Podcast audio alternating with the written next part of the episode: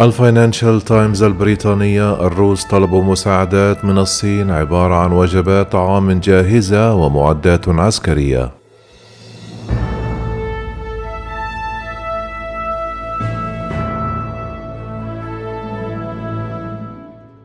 كشف مسؤولون مطلعون على الرسالة الأمريكية التي أرسلت في برقية دبلوماسية إلى الشركاء في حلف شمال الأطلسي وعدد من البلدان الآسيوية نوع المساعدات التي طلبتها روسيا من الصين دعما لغزوها في أوكرانيا.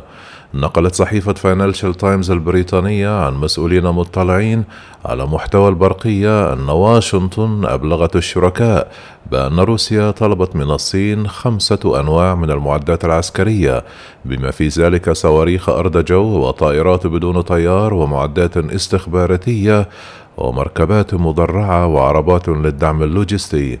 غير أن مسؤول كبير في الإدارة الأمريكية قال أن تقرير فاينانشال تايمز حول قائمة المعدات غير دقيق دون تقديم أي تفاصيل أخرى بحسب ما أفادت به الصحيفة البريطانية نفسها. ولم تحدد البرقية التي أرسلتها وزارة الخارجية الأمريكية مستوى أو توقيت. أية مساعدات قد تقدمها بكين إلى موسكو. وقال أحد المسؤولين أن الولايات المتحدة لم تزود الحلفاء بالمعلومات الاستخباراتية التي تدعم تقييماتها. قال المتحدث باسم الخارجية الأمريكي نيك برايس في إفادة صحفية أنه ستكون هناك عواقب لأي دعم صيني للجانب الروسي. كما كشف برايس أن المحادثات الجارية بين مستشار الأمن القومي جاك سوليفان مع كبير الدبلوماسيين الصينيين يانغ جيتسي في روما الاثنين تطرقت بشكل مباشر إلى مخاوف دعم بكين لموسكو.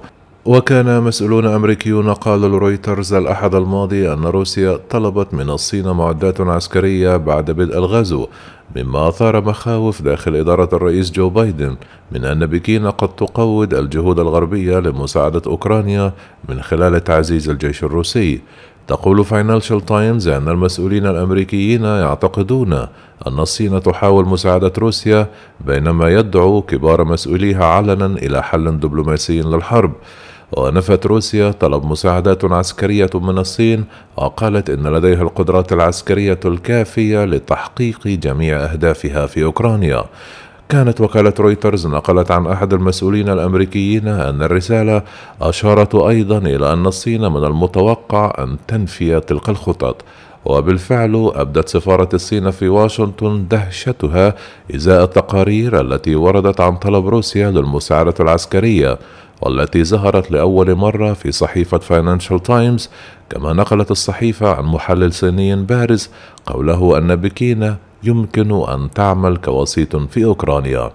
وصف المتحدث باسم وزارة الخارجية الصينية تشاو ليجيان الاثنين التقارير التي تفيد بأن روسيا تسعى للحصول على معدات عسكرية من الصين بأنها معلومات مضللة. لكن الأمر لم يتوقف على المساعدات العسكرية فقد قال مصدران مطلعان لشبكة سي إن إن أن من بين المساعدات التي طلبتها روسيا كانت وجبات طعام جاهزة للأكل ويسلط هذا الطلب تحديدا الضوء على التحديات اللوجستية الأساسية التي يقول المحللون والمسؤولون العسكريون أنها أعاقت التقدم الروسي في أوكرانيا. ويثير تساؤلات حول الاستعداد الأساسي للجيش الروسي.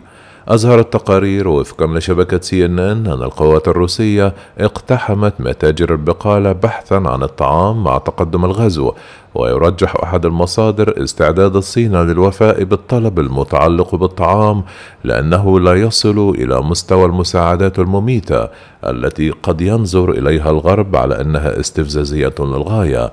قال مستشار الأمن القومي الأمريكي جاك سوليفان لشبكة سي إن إن الأحد الماضي أن الولايات المتحدة الأمريكية تراقب عن كثب لترى مدى الدعم الاقتصادي أو المادي الذي تقدمه الصين لروسيا كما أضاف نتواصل مباشرة وعلى نحو يتسم بالخصوصية مع بكين للتأكيد على أنه ستكون هناك بالطبع عواقب لأي جهود واسعة النطاق لمساعدة روسيا على التهرب من تأثير العقوبات أو دعمها لتعويض ذلك التأثير.